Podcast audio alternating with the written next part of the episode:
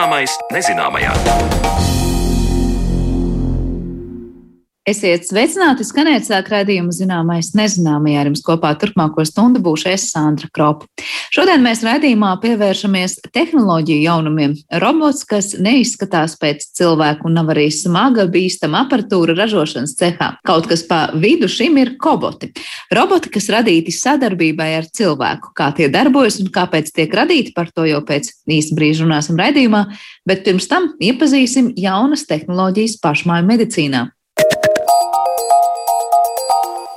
Latvijas Universitātes Matemātikas un Informātikas institūta Mākslīgā intelekta laboratorija sadarbībā ar Rīgas Austrumu Klinisko universitātes slimnīcu ir izstrādājusi medicīnisko audio ierakstu automatizētu transkribēšanas platformu RutaMed kas būtiski atvieglos un pātrinās izmeklējuma aprakstu sagatavošanu. Ārsts ierunā diagnozi un dators to pāraksta, ievērojot visus pareizos medicīniskos terminus un apzīmējumus.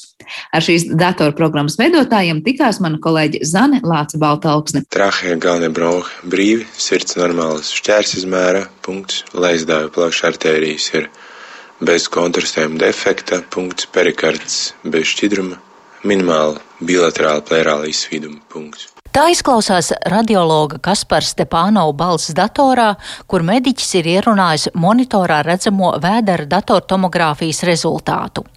Turpat arī redzams Kaspara ierunātais teksts, kas jau ir uzrakstīts, un katrs viņa ierunātais vārds tekstā iezīmējis dzeltenā krāsā. Tā kā ārsts var sekot līdzi, vai runa ir pārakstīti korekti. Šajā gadījumā runu ir pārakstījusi jeb transkribējusi datorprogramma ar nosaukumu Ruta Med. Par to stāsta Latvijas Universitātes Matemātikas un Informātikas institūta mākslīgā intelekta laboratorijas vadītājs un šī projekta vadītājs Normons Grūzītis. Ruta tas ir saīsinājums no runas transkribēšanas sistēmas, ko mēs sākotnēji pirms vairākiem gadiem bijām izstrādājuši nu, vispārīgas valodas transkribēšanai, piemēram, tādai, kas skan mēdījos, piemēram, ziņas. Un cita veida vispārīga valoda. Un šobrīd, pēdējo trīs gadu laikā, esam viņu pielāgojuši un specifiski apmācījuši tieši medicīnas valodas atpazīšanai. Tas nozīmē, ka dators klausās tāpat kā diktafona centra operators. Ne tikai dators var klausīties arī trīsreiz ātrāk šo ierunāto diktātu un automātiski pieraksta visu, ko dzird. Un plus vēl pēc tam ir automātisks saīsināšanas process, kad visus skaitļus, kas ir ar vārdiem pierakstīti, saīsinām kā skaitļus, visas mērvienības, apzīmējumus, dažādas citas simbolus, nu, lai tas būtu pēc iespējas kompaktāk un pārskatāmāk. Es saprotu, ka šie medicīniskie apraksti ir gana specifiski, tāpēc, ka tur ir gan latviešu valoda, gan arī ļoti daudz terminu, kas ir latīņu valodā. Tad eh, datoram šīs abas valodas pēdiņās tiek iemācītas. Jā, Un tā skaitā arī dažādi zāļu nosaukumi un dažādi saīsinājumi un ļoti daudz kas. Un medicīnas valoda tiešām ir ļoti sarežģīta, bet eh, salīdzinot ar tādu ikdienas valodu ierobežota sarežģīta, bet ierobežota. Un tas, ka šī valoda ir ierobežota, ļauj mums izveidot nu, sistēmu, kas tomēr spēj tikpat labi kā operatori bieži vien saklausīt to, kas tiek teikts, un reizēm pat labāk kā cilvēks, reizēm varbūt arī vairāk kļūdās. Tas ir atkarīgs no katra konkrētā ieraksta, bet jā, spēj saklausīt un pierakstīt visu, ko ārsts ir teicis. Minēto programmu trīs gadu laikā radīja datorzinātnes pārstāvji, mediķi un valodnieki.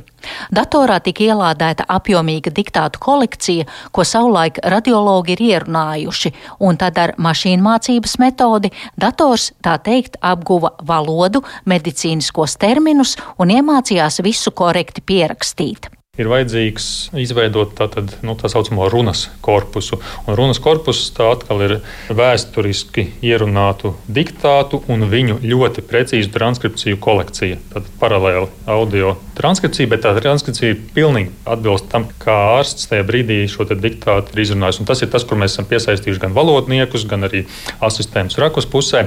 Viņi ir precīzi atšifrējuši vārds pa vārdam, arī ja tur ir bijusi pārteikšanās, un, teiksim, ja kāds saka, tur folīkuļi, bet patiesībā tas termins ir folikuli. Tad mēs pierakstām uh, speciālu marķējumu, ka teikts ir folikuļi, bet jāpieraksta folikuli. Un sistēma līdz ar to arī tātad dzirdot folikuļi vai kādu citu šī termina nu, nekorektu izrunu, pierakstīs viņu tomēr nu, normālajā, paredzamajā pierakstā. Un dators tad ir iemācījies. Viņš zina, ja kāds saka folikuļi, tad uh, pareizi ir folikuli. Un tā jā, uzraksta, jā. vai arī 40, tur ir 40. Jā, jā.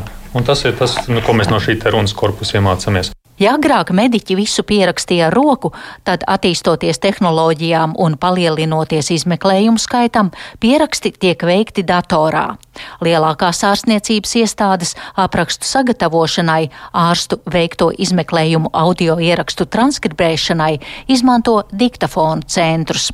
Piemēram, Rīgas Austrum Kliniskās Universitātes slimnīcā dienā vidēji tiek sagatavoti vairāk nekā simt vizuālās diagnostikas diktāti, kas mēnesī ir vairāk nekā 160 stundas audio ierakstu, ko rindas kārtībā apstrādā diktafonu centra operatori. Tad apstrādāto runu sūta atpakaļ radiologiem, kuri to pārbauda, vai viss korekti pārakstīts.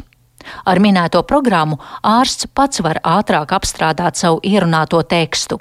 Par to stāsta viens no programmas konsultantiem Rīgas Austrum Kliniskās Universitātes slimnīcas radiologs Kaspars Stepānovs. Ar šo runas atpazīšanas programmu mēs ielādējam failu, un viņš jau automātiski parāda mums to, ko mēs esam nodiktējuši, to, ko mēs skatoties bildes esam aprakstījuši. Un tad ir dažreiz nepieciešams veikt kaut kādas korekcijas, ja tas teksts nav uzrakstīts perfekts. Un tālāk to atbildi mēs varam jau ļoti ātri iesniegt ārsteišam ārstam vai arī jāpataisno pacientam nosūtīt. Un tad kā tas notiek? Jūs skatāties uz attēlu un ierunājat diktafonā Jā. to, ko jūs redzat. Jā, vai tā ir piemēram datortomogrāfija vai rentgena attēls. Mēs skatāmies, kā viņš atšķirās no normālas bildes. Piemēram, ja ir pneimonija, ja plaušu iekaisums, tad būs tāds blīvāks apvidus. Ja, to es arī tajā diktātā iekļaušu, kad šajā rentgenogramā, kreisā plaušā, augšdaļā ir redzams aizēnojums. Un šo man runāto tekstu arī automātiski viņš tiks atpazīts. Un es viņu varēšu tālāk ievietot vai nu sistēmā, vai izprintēt, un tādā veidā sniegt atbildi. Jūs esat radiologs, bet vai šī programma ir piemērota jebkuram, arī ģimenes ārstam, ja viņš raksta kādu diagnozi saviem pacientiem, vai tas ir specifiski tikai radiologiem? Protams, ka viņi strādās ļoti labi arī ģimenes ārstiem, jo mūsu valoda gan uh, radioloģijā, gan tā, ko ģimenes ārsts lieto, ir ļoti līdzīga. Tur ir gan latīņu vārdi, gan anatomiskie nosaukumi, slimību nosaukumi. Tas viss ir ļoti līdzīgs. Tā ir vienkārši medicīnas valoda, kur ir atšķirīga no tās, ko lieto ikdienā, bet sistēma darbojas vienlīdz labi gan ģimenes ārstam, ķirurgam, radiologam. Bet tieši radioloģija tā nozara, kur ļoti daudz tiek diktēts, jo lielākā daļa radiologi ne tikai Latvijā, bet arī pasaulē, kad strādā, viņi šo darbu veids diktējot Nu, mēs tagad varam pēdiņās parādīt radio klausītājiem, kā tas tīri praktiski notiek. Te es redzu to skaņas failu, jūs to atskaņojat. Uh, nu, tā, tā, tā, tā, tas, ko mēs esam izveidojuši, ir runas atpazīšanas un pēcrediģēšanas sistēma, tad ir veidota ar pieņēmumu, ka dators nu, neizbēgami kļūdīsies vienu vairākas reizes, un šīs kļūdas noteicīgi tad ir kādam jāizlabo. Tikai, ja šobrīd tas notiek ar citu cilvēku iesaisti, tad daļa no šādiem aprakstiem varētu arī ārsts pats pielabot. Un, lai šo pielabošanas procesu nodrošinātu pēc iespējas ērtāk, tad tas, ko šis rutu redaktors nodrošina, ir automātiski transkribētā teksta un radiologa diktāta sastatījums. Vārdu pa vārdam. Un es varu šobrīd atskaņot diktātu, CT vēdera dobumam natīvā sērijā. Būs pēckontra sērijas pēc vizipaka 320-100 ml ievadas. Izmeklējumā redzamajā kruškura daļā redz intensīvu infiltrāciju abu plaušu leizdēvās ar gaisa bronhogrammām. Un tas, ko mēs redzam, ka mhm. visu laiku tāds celsmes kursors skrien līdzi. Un, eh, un nu, ārsts, ja viņš pats izvēlas šo transkripciju caurskatīt, viņam nav obligāti vēlreiz jāklausās visu, ko viņš ir lasījis. Viņš vienkārši var nu, pa diagonāli noskanēt, vai viss atbilst tam, kā viņš tikko pirms mirkļa diktēja. Ja kādā vietā rodas aizdomas, mēs jebkurā vietā varam noklišķināt uz jebkura vārda un no tās vietas atskaņot. Normāls punkts aizviņa dziedzris ir parasta apjoma ar homogēnu struktūru bez redzamas vada dilatācijas punkts alies un, un, un nu, pārbaudīt, vai viss ir kārtībā. Un kas, ko mēs arī šeit pamanījām, teiksim, ārsts teica, punkts, punkts sistēma jā, un... to uzreiz jau nointerpretē un pierakst kā punktu. Vai, teiksim, šeit, ja mēs redzam, mm, jā, tieši pali... skaitļi, piemēram, prostata palielināta 5,3 cm diametrā. Prostata palielināta 5,3 cm diametrā. Šajā gadījumā dators visus ciparus un pieturzīmes pieraksta korekti un tekstu skaidri un pārlasāmi sakārto. Par to turpina Kaspars Stepānovs. Un arī, ja ģimenes ārsts šādu atbildi uh, lasa, viņš jau nevar saprast, kur ir tā doma tekstam un kur ir uh, tas svarīgā informācija. Un tāpēc ļoti svarīgi, ka ir sakārtots visi konspektīvi un atbildi ir pārskatām, kad viņu var vienkārši nofotografēt. Ģimenes ārsts vai ķirurgs vai kāds speciālists, uh, viņš saprot, ko radiologs ar to domā. Jā, tad jūs redzat tās atšķirības starp mm -hmm. Uh, parastu mašīnu Jā. tulkojumu, un kur pēc tam katram vārdam ir jāskatās līdzi, vai ir pareizi iztulkots. Un šeit mēs redzam to konkrēto vietu - 5,3 cm diametrā. Katrs vārds atsevišķi ieskaitot komats, ieskaitot uh, diametrā, viss ir uzrakstīts. Bet tas, ko pēc tam specifiski šim medicīnas nozarē pielāgota automātiskā pēcapstrāde izdara, kas arī iebūvēta šajā redaktorā. Tātad vispirms visu saīsina, visus skaitļus ar komatiem pieraksta tā, kā mēs to esam normāli sagaidām. Centimetri diametrā tiek saīsināti, izmantojot šos apzīmējumus un teksts kļūst uzreiz daudz uztveramāks. Vai šī jaunā programma, vai jūs esat pārliecinājušies, cik nekļūdīga tā ir, cik bieži ir tomēr jāpārskata visi dokumenti? Tas ir ļoti atkarīgs no tā, cik pareizi šos vārdus izrunā, cik ātri runā. Un, ja speciālists grib, lai viņu labāk uzraksta, tad ir nedaudz jāmaina savs runāšanas stils un izruna. Jo skaidrāk mēs izrunāsim, jo pēc tam mazāk būs jālabo. Un es teiktu, ļoti labi strādā. Tāpat ļoti līdzīgi kā angļu valodā, balss atpazīšana, kuras izmantoja medicīniskiem tekstiem, ļoti līdzīgi strādā. Un, ja šis diktāts ir skaidrs, skaidri izrunāts, tad arī rezultāts ir ļoti labs. Un ir jāveic tikai dažas korekcijas. Un šobrīd jau diktafona centrs, ja mums uzraksta atbildi, mums viņš vēl ir jāapstiprina. Mēs vēlreiz pārlasām, ko diktafona darbinieki ir uzrakstījuši. Un citreiz viņa arī nepieciešams veikt korekcijas, jau uzrakstītā tekstā, un tas arī prasa laiku. Un, um, citreiz jau mēs esam aizmirsuši, ko mēs esam skatījušies. Teiksim, ja pēc dienas vai divām skatāmies, tad vēlreiz ir jāver vaļā tas izmeklējums, jāsāk mērīt. Tādā ziņā ir ļoti labi, ka mēs varam uzreiz gan skatīties, gan uzreiz izrediģēt šo tekstu, un viņš jau ir uzreiz ātrāk eh, perfekts. Kā teica Normons Grūzītis, tad šobrīd jauno programmu izmēģina ne tikai radiologi, bet arī patologi, gastroenterologi un citu nozaru ārsti. Galvenais, ko mēs vēlamies sasniegt, ir samazināt šo laiku, kad ārsts ir veicis izmeklējumu un kad viņš saņem šo izmeklējumu aprakstu, ko tālāk nodot pacientam un ārstējušam ārstam. Tas varbūt ir mazliet sekundārs jautājums, cik daudz ir katrā konkrētajā diktētā kļūdas vai kļūdiņas, bet vai mēs varam būtiski samazināt laiku kopējo. Un tas, jā, tas ir tas, uz ko mēs ejam un, un izskatās ļoti cerīgi. Par mākslīgo intelektu radiologa darbā interesējās Zana Lācis Baltāksne, bet raidījuma turpinājumā mēs parunāsim par to, Kas ir koboti?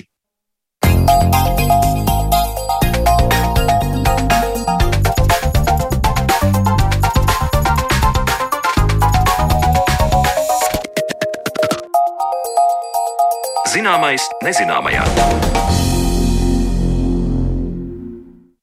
Robotika ir tā joma, kura šobrīd pilnā ātrumā attīstās, radot ne tikai lielus industriālus robotus, kas aizstāja cilvēku roku darbu, bet arī humanoīdus robotus, kuri nākotnē varētu kļūt par mūsu sarunu biedriem.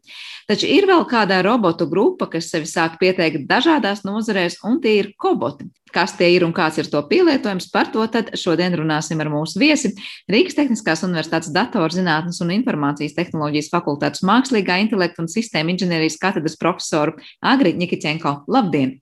Sveiki! Eh, nu, sākšu ar to, ka kobots, man liekas, nu, daudziem varētu būt ne īpaši dzirdēts vārds un nosaukums. Vai mēs runājam par kaut ko pilnīgi jaunu, ko robotikas pasaule mums sākus piedēvēt, piedāvāt, vai tas ir piedāvāts vārds jau labi zināmiem robotiem, un var teikt, mēs esam ieviesuši kārtību vienkārši tajā, kā ko saukt. Proti, vienkāršot, kas ir koboti. Tas ir daļēji kā no viena, tā no otra. Jā, tur ir, protams, runa par jaunu, eh, nu, gribētu teikt, jaunu tipu funkciju kopumu, drīzāk uzvedības kopumu. Un pats vārds saka, ka tie ir roboti, kas ir vērsti uz sadarbību ar cilvēku. Un es uzsveru tieši ar cilvēku, nevis ar citiem robotiem. Tātad kolaboratīvi roboti, tātad sadarbības spējīgi roboti no angļu valodas. Un līdz ar to tam, protams, ir virkne ar sakām, tāpēc, kad Cilvēks ir grūti prognozējama būtne, nu, tādā ikdienas izpausmēs, un tas ir bez pat pilītes ironijas. Tā tas tiešām ir. Un mēs žestikulējam, mēs runājam, mums ir katram savs, savs kustību komplekts un kustību šablons, ja tā var izteikties, un tā tālāk un tā joprojām. Protams, te ir runa par sadarbību visplašākajā šī jēdziena izpratnē. Tas ir gan sarunas uzturēšana, gan burtiski palīdzēšana, tā ka viens pasniedz, otrs paņem. Un tādā veidā līdz ar to šis funkciju kopums, jaunais nosacītais, ir saistīts ar šo tieši ar sadarbību, kas ir ļoti daudz, nu, teiksim tā, rada ļoti daudz izaicinājumus. Jā.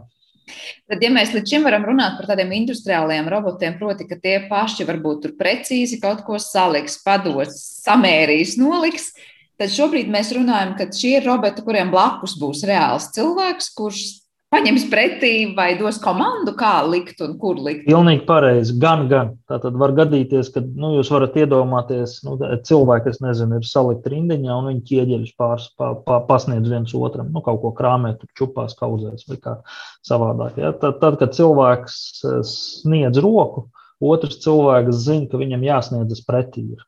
Ja? Lūk, nu, tā ir tāda, un tas nav jāsaka nevienam. Tas ir vienreiz jāpamēģina nu, bēr, bērna kaut kādā audzināšanas procesā, un viņš zina, ka visu mūžu kā to dara.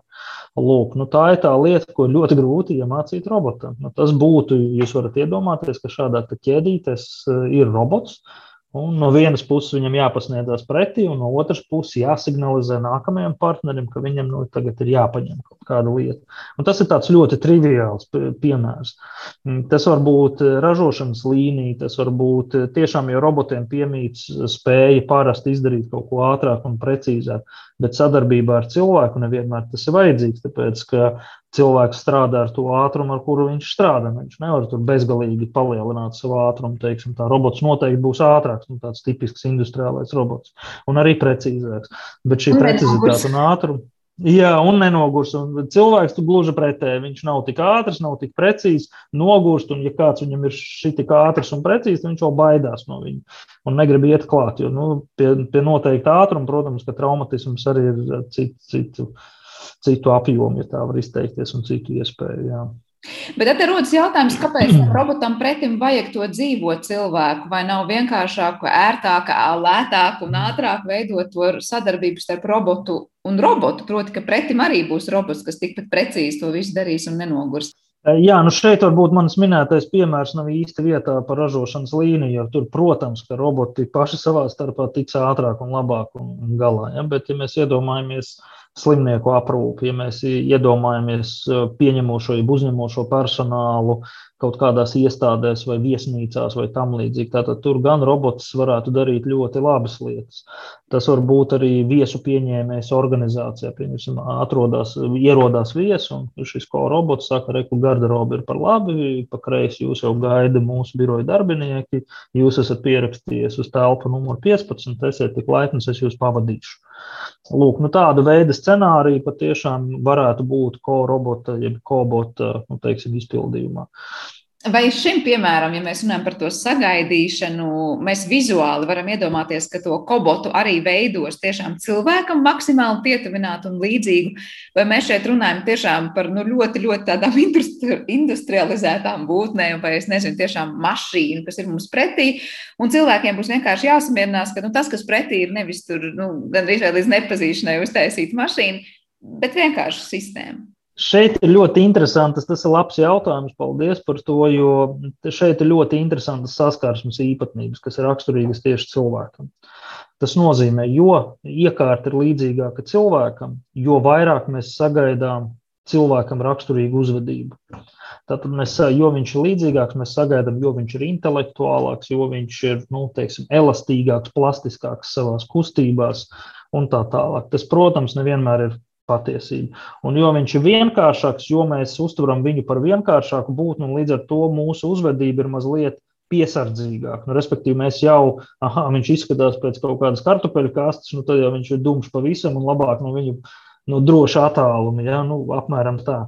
Un līdz ar to šeit ir, nu, kā lai saka, un daudz robotu būvētāji patiešām ir iekrituši ar to, ka viņi ir uzbūvējuši kaut ko stipri līdzīgu cilvēkam, un cilvēks savā saskarsmē mēģina kaut kādā veidā viņu uzrunāt, vai tur ir kaut kāda dialoga vai tam līdzīga, un pretī izrādās ir, diemžēl, iekšā tur, tur ir tā pati vecā kartupeļu kāsta, un nekas tur nesanāk. Ja?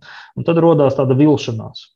Lūk, un tad tā komunikācija, protams, pārtrūks. Un līdz ar to šajā gadījumā ir būtisks jautājums par tādu labu balansu starp to, kāda ir ārējā izpausme, nu, kā viņš izskatās, vienkārši forma un saturiski, ko tas robots faktiski var izdarīt.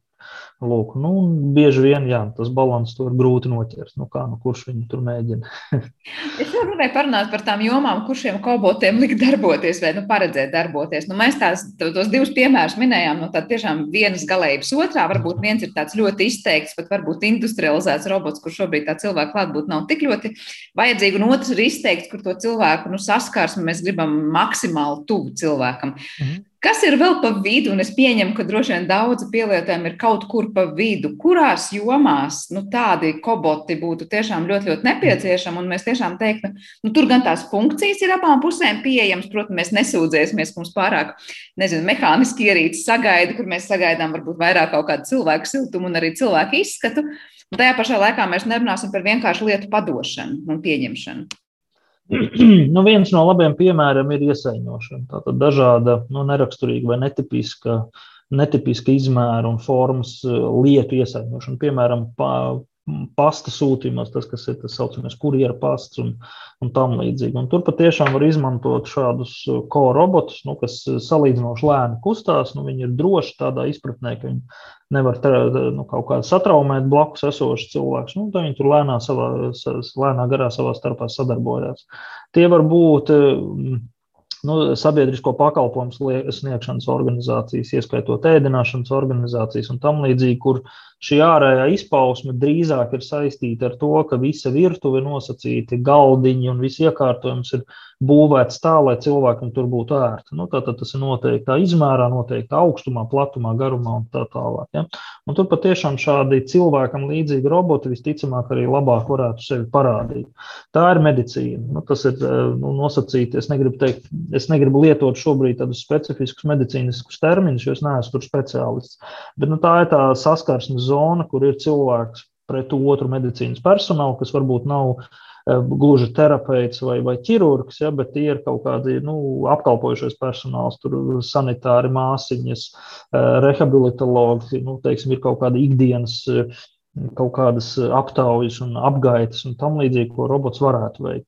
Tāpat tās ir viena, kas ir ļoti būtiska funkcija, kas arī ir pa, stie, pa starpu, ir attālināta sadarbība, kur robots imitē cilvēku, un pretī ir attālināts sarunu biedrs, kas patiešām ir cilvēks.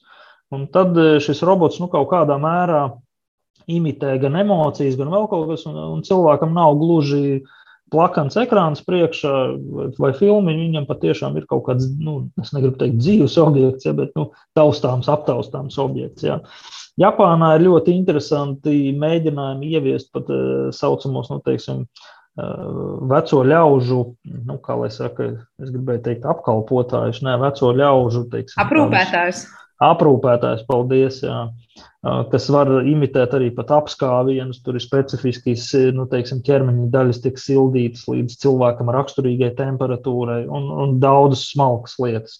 Ir ļoti interesantas arī citi pielietojumi, tā skaitā arī nu, jā, nu, pieaugušo industriju, nosauksim to tā, un dažādas citas industrijas, kas, pro, protams, ir salīdzinoši liela potenciāla šajā jomā, un tur patiešām notiek aktīvs darbs un attīstība. Bet tas, kur šobrīd kobotu ēra atrodas, tas ir tāds sākums, un man, mēs varam teikt, pagaidām tie ir tādi vienkārši soļi un vienkārši salīdzinoši piemēri. Bet patiesībā šobrīd tie koboti mums ir daudz vairāk apkārt jau, kā mēs patiesībā domājam, un mēs pat neatpazīstam tos kā kobotus. Es gribētu teikt, ka tas ir sākuma posms, jo, diemžēl, tas ir saistīts arī ar zin zināmām izmaksām. Nu, tāds tipisks kobots arī mums Rīgas Tehniskajā universitātē ir. Viņu sauc Baksters. Viņam tā būtiskā īpašība ir, man liekas, mēs kaut kādā vienā no saskarsmes posmiem esam viņu arī redzējuši, to robotu. Un, un, un tā lieta ir tāda, ka viņš kustās salīdzinoši lēni. Viņš līdz ar to izvairās no, iz, nu, teiksim, tā mēs varam izvairīties no traumām cilvēkam, kas ir saskarsme ar robotu. Otra lieta, pat ja šī saskarsme, sadursme notiek, ja, teiksim, tad visi iekšējie mehānismi ir pietiekami elastīgi un plastiski, ka būtībā trauma pati par sevi nenotiek. Ja. Tā, tā, tā ir tāda, nu, es gribētu teikt, līdzīga mīksta rotaļlieta. Ja tādā izpratnē.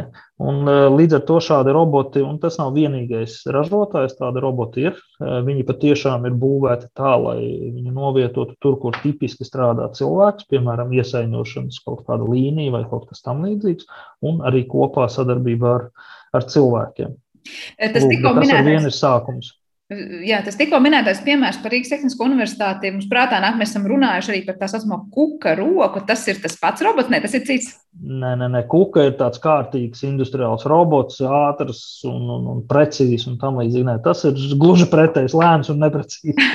lēns un neprecīzs, bet tas ātrais un precīzais patiesībā ir vairāk stāsts par to, ka tur tā cilvēka sadarbība blakus nemaz nav tik būtiska. Tas robots var teikt pats savā pasaulē precīzi strādā un viss izdara. Jā, precīzi. Jā, industriālā vidē parasti tur, kur ir robots, tā saucamā ražošanas šūna tiek norobežota. Nu, vai tas ir saucamais lāzera aizskars vai kāda cita citi sensori vai fiziski burtiski ar žogu priekšā, lai cilvēks tur netiek. Jo tas pārvietošanās ātrums un svars pašam robotam ir tik liels, ka nu, traumas ir neizbēgams, ja tur notiek kaut kāda saskara. Jo cilvēks, skatoties uz robotu, viņš nu, nevar redzēt, kas viņam tur ir padomā, kāda tā kustība būs nākamā.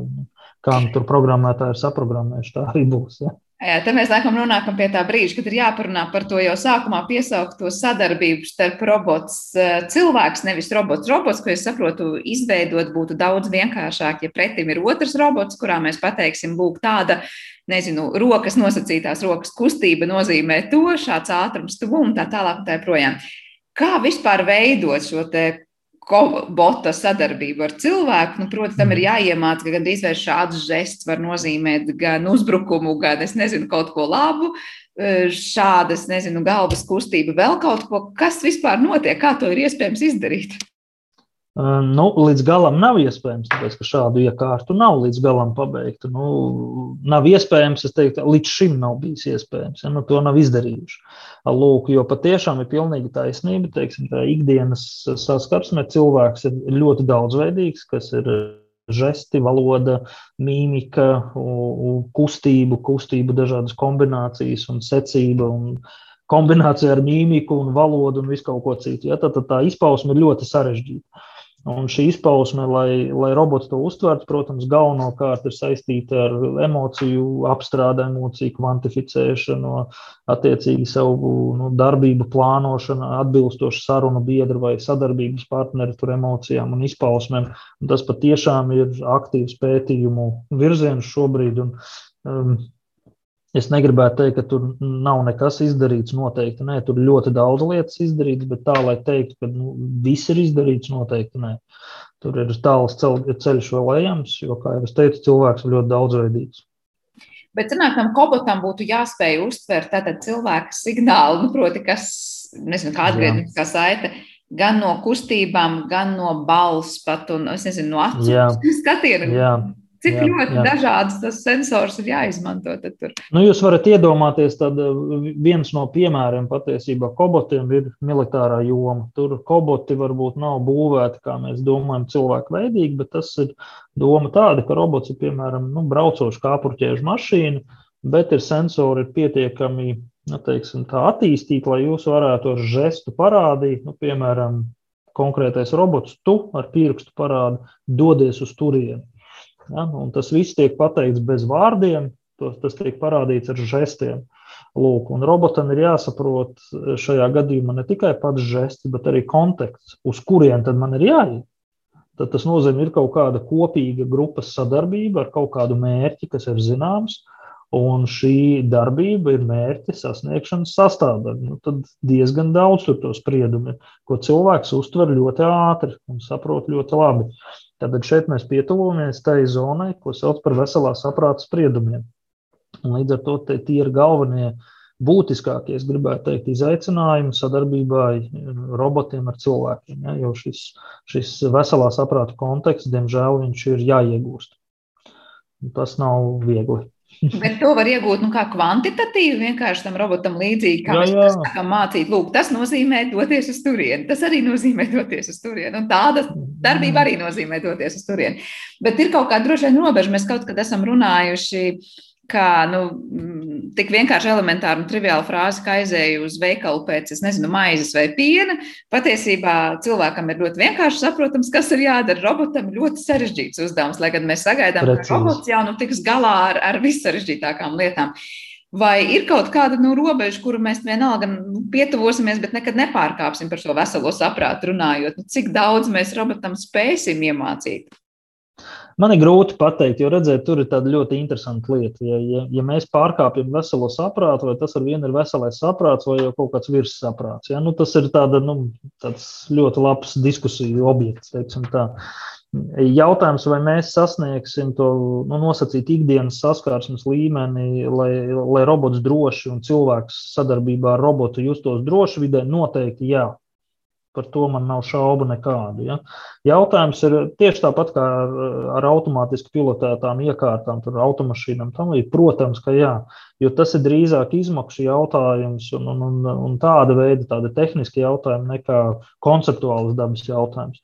Vai mēs varēsim uzbūvēt robotu, lai mēs varētu līdzīgi kā mēs šobrīd ar, ar tevi šeit sarunājamies? Nu, grūti pateikt. Jā, tas ir runa tiešām par pilnu mērogu veselo saprātu.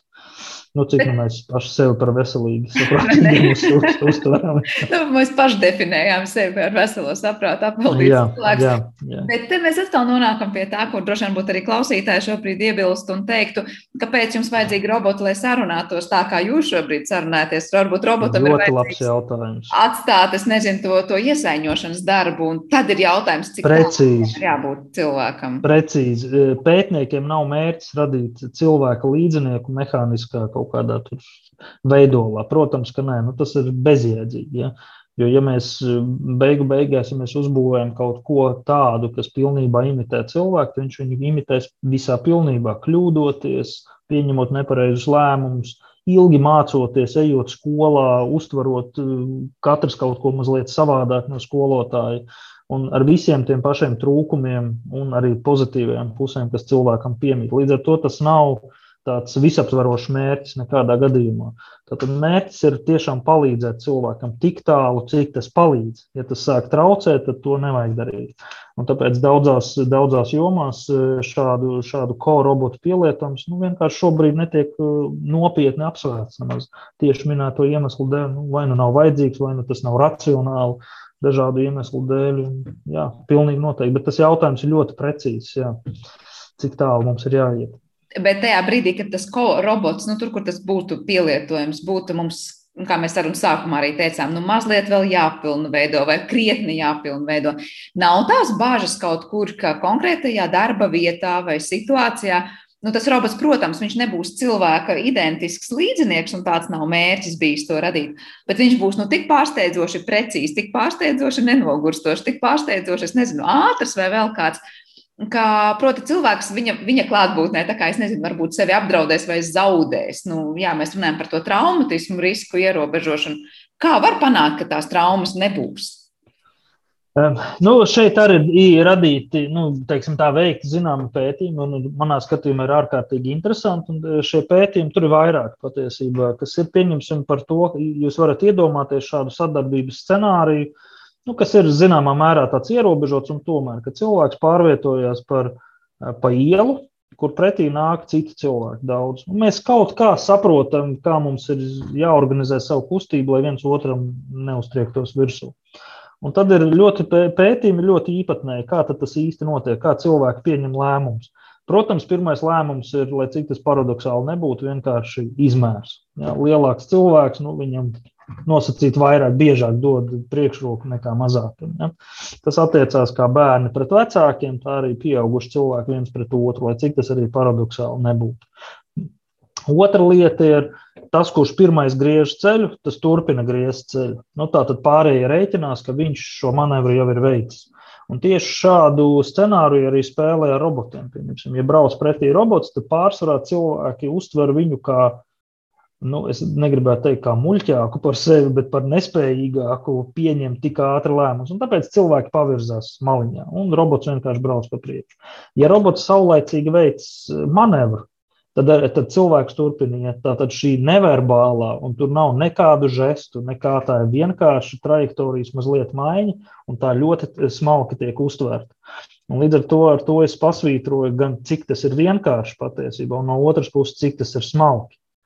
Un, un, un šādas, šāda veida sadarbības, nu, teiksim, akti un, un, un piemēri mums ikdienā ir ļoti daudz. Ja mēs katrs pavērosim, kā mēs savā darba kolektīvā vai mācību kolektīvā viens ar otru saskaramies, mēs ļoti daudz šādas it kā vienkāršas lietas, bet tai pašā laikā ārkārtīgi smalki uztveramas lietas pielietojam ikdienā. Un šo smalkumu izzināšana, izgūšana, tas ir nu, izaicinājums. Bet es gribu teikt, ka tas nav nepaveicams. To tiešām var paveikt un robotu to var ņemt vērā un tādā veidā respektēt cilvēku tajā vidē, kur robots pats darbojās, tad pašā laikā pilnvērtīgi veicot arī savu uzdevumu. Un tas ir iespējams, un tu uz to arī iet. Es šobrīd domāju, vizualizēt to kustību ielās, kur tiešām viens otram paiet garām. Un te es iedomājos, nu, labi, robots varbūt arī zinātu līdzīgi kā cilvēks, tad izmēros lielāks vai kustības jau tra trajektorija uzsācis. Ja pretim kāds cilvēks, piemēram, nezinu, ar asu virzienu tur pakas savu galvu, ja, un varbūt tas, tā, tas žests var tikt robotam iztulkots kā stop, stop, es nezinu, es kādu mēģinu apturēt, cik Jā. ļoti nu, dažādi interpretējams patiesībā ir tādas elementāras lietas, ko mēs pat paši nefiksējam kā cilvēki robotam. Nu, tādu ir daudz. Es noteikti nebūšu tāds izziņas, izziņas psiholoģijas speciālists. Neapšaubām, man ir grūti komentēt to tā dziļi. Es tā vispār cilvēcīgi varu komentēt. Uh, Neapšaubāmi, protams, katra asa kustība, kas ir ārpus mūsu plāna vai ārpus mūsu sagaidītā šablona, izraisa nu, uzmanības sāsināšanu. Vai es negribētu teikt, ka tā ir uzreiz piesardzība vai bailes, ja, bet tas noteikti sāsina mūsu uzmanību. To, protams, ka izmanto nu, teiksim, tā, mm, nu, teiksim, tā dažādi triku meistari, teiksim, izklaidējot mūs ar dažādām dīvainām grūti prognozējām kustībām un līdz ar to novērš uzmanības no patiesās darbības. To izmanto kabatzāgļi tieši šo pašu fenomenu, ka mēs nespējam sadalīt uzmanību. Un tieši tāpatās, protams, arī būs ar robotu jo viņš vairāk šādus uh, neparedzētus aktus veiks, darbības, jo grūtāk ar viņu būs sadarboties. Tātad mums visu laiku būs jāpiepūla savu uzmanību un arī savu nu, teiksim, tā, lēmumu pieņemšanas mehānismu, smadzenes, uh, lai vienkārši, nu, kā lai saka, justos, nu, nejustos, bet, nu, teiksim, tā piespēlētu robotam. Ja? Līdz ar to, protams, ka tur nekāda sadarbība neveidosies, tāpēc, ka viens būs visu laiku noguris, kamēr otrs nereiķinoties ar, ar pirmo, vienkārši dara savu, savu plānu, un tur sadarbības nebūs. Un tā ir tā smalkā lieta, par ko es eh, runāju savstarpējā saskarsmē. Ja? No darāmā tad vairāk kā skaidrs ir daudz tur dažādu jomu pētniekiem. Es pieņemu, ka arī psiholoģijas, es nezinu, vai mums jā, jā, jā. pētnieki jā, jā, jā. Ir, ir gan liela komandas daļa. Kā vispār notiek pētījumi un, es nezinu, darbs pie tādu korobotu izstrādes? Tas ir tā, ka, es nezinu, sākotnēji ir kaut kāds ilgs posms, kurā visi liek datus kopā un saprot, ko vispār vajag, vai tā lielākā izaicinājuma daļa ir pēc tam fiziski uzbūvēt to robotu tā, lai tas saskaņot darbotos un uztvert visu, kas tam ir mācīts. Nu, tas ir gan, gan, protams, ir Eiropā arī bija viens salīdzinoši liela projekta iniciatīva, tie saucamie flagship, jeb karoga nesēja projekti lielie. Diemžēl viņš neaizgāja, nu, teiksim, viņš netika apstiprināts, bet saga, robotu vai satunies projektu sagatavošanas procesā tika izveidots arī tāds sadarbības tīkls, kur tā skaitā bija iesaistīti arī RTU pētnieki, tur Egona Lavendeļa vadībā.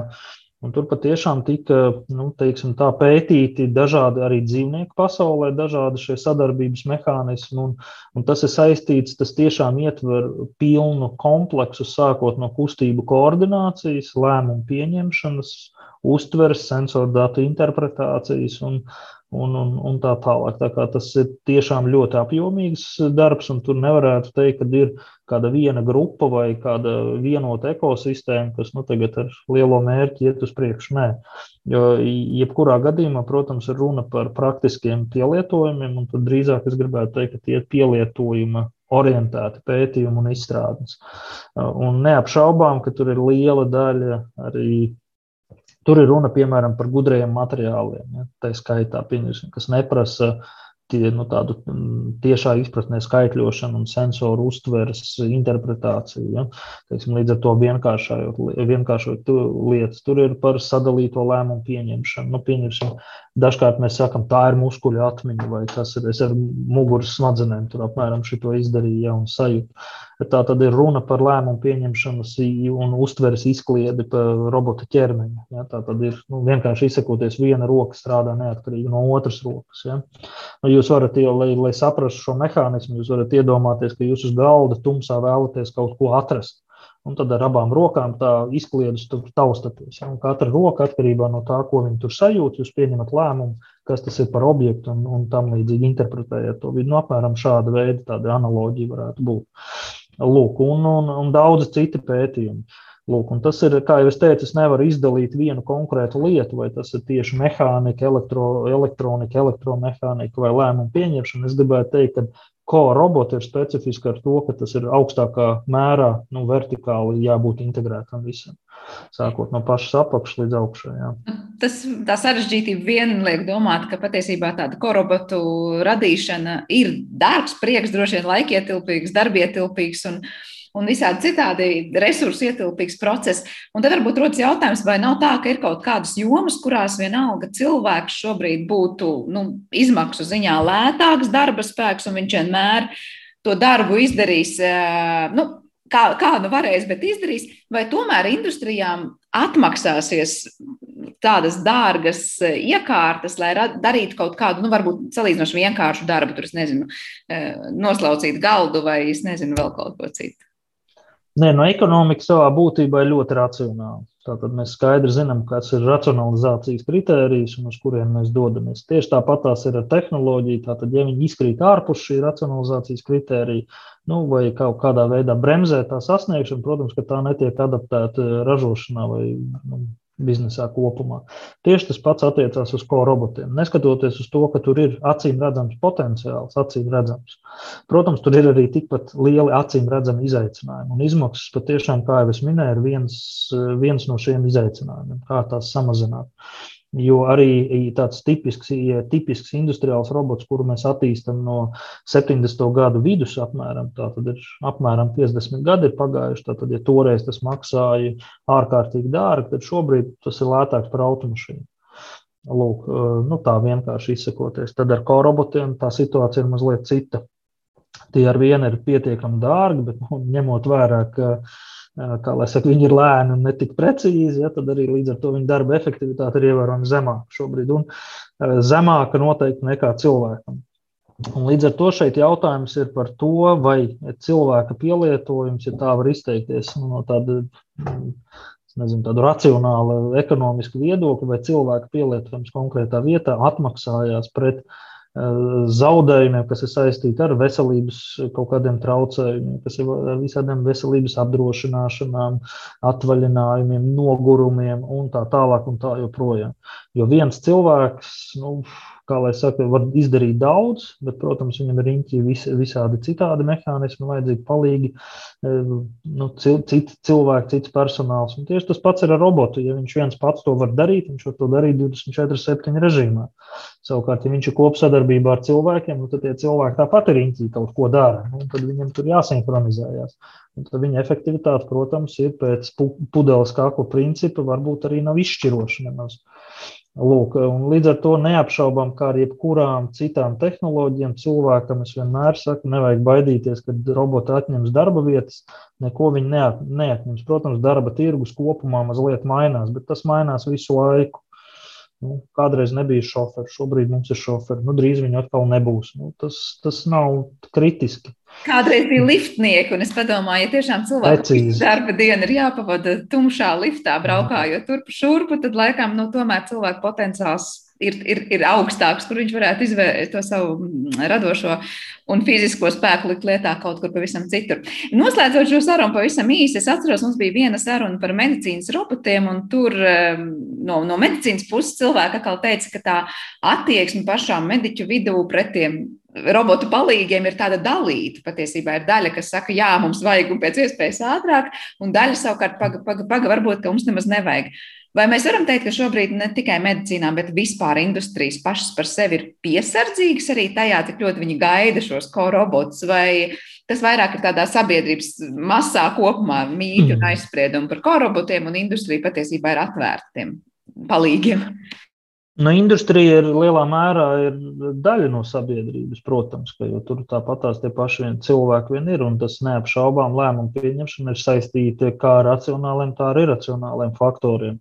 Un tas iracionālais faktors ir vienkārši tehnoloģijas pieņemšanas līmenis sabiedrībā. Latvijā tas ir diezgan zems kopumā. Nu, ja mēs, nu, diezgan zems, es negribētu teikt, nu, vidējs viņš ir tādā izpratnē. Ja? Un tas ir saistīts ar ļoti daudzām lietām. Tas ir saistīts gan ar māku, jeb prasmēm pielietot attiecīgo tehnoloģiju, gan arī nu, gluži vienkārši ar vajadzību. Un, un, jā. Jo dažkārt arī ļoti dārgas lietas vienkārši Latvijas tirgus ir par mazu, lai viņi izmantotu, piemēram, pēc. Un līdz ar to tieši tāpat kā medicīnā, protams, kad ir pretinieki un atbalstītāji. Nu, ja jūs man jautājat, vai es zinu šo proporciju, diemžēl nē. Diemžēl ne. es pats esmu savā informācijas burbulī, un man liekas, ka viss ir atvērti, bet nu, es esmu pārliecināts, ka tā nav. Ja. Jā, ieklausoties tajā, par ko varbūt izskan tās bāžas, mēs varam saprast, nu, kas ir tas, no kā cilvēki baidās, kas ir tā, tā, tās vietas, kuras varbūt ir, nezinu, vairāk jāskaidro, lietas, pie kurām jāpiestrādā, un noteikti, nu, saka, mēs no tām bažām varam arī gūt informāciju, kas tad īsti ir tas, par ko cilvēki ir noraizējušies un kāpēc viņi šos industriālos palīgus varbūt tik ļoti nevēlas. Bet skaidrs ir viens, ka tiešām tā izglītošana ir liela loma, jo, kā mēs zinām, dažādās sfērās, jo mazāk zinām, jo vairāk eh, ticam visam, kas varbūt ir leģendas un, un, un ne tas faktos balstītākais materiāls. Paldies, Agri, par šo sarunu. Es atgādināšu, ka Agris Nikiķenko Rīgas Tehniskās Universitātes datorzinātnes un informācijas tehnoloģijas fakultātes mākslīgā intelekta un sistēma inženierijas katedras profesors bija mums kopā. Ar to arī raidījums ir izskanējis. Paldies par to producentē Paulai Gulbinskai un mūzikas redaktoram Girtam Bišam. Es, Sandra Kroparims, būšu kopā jau atkal rīt. Visu labu!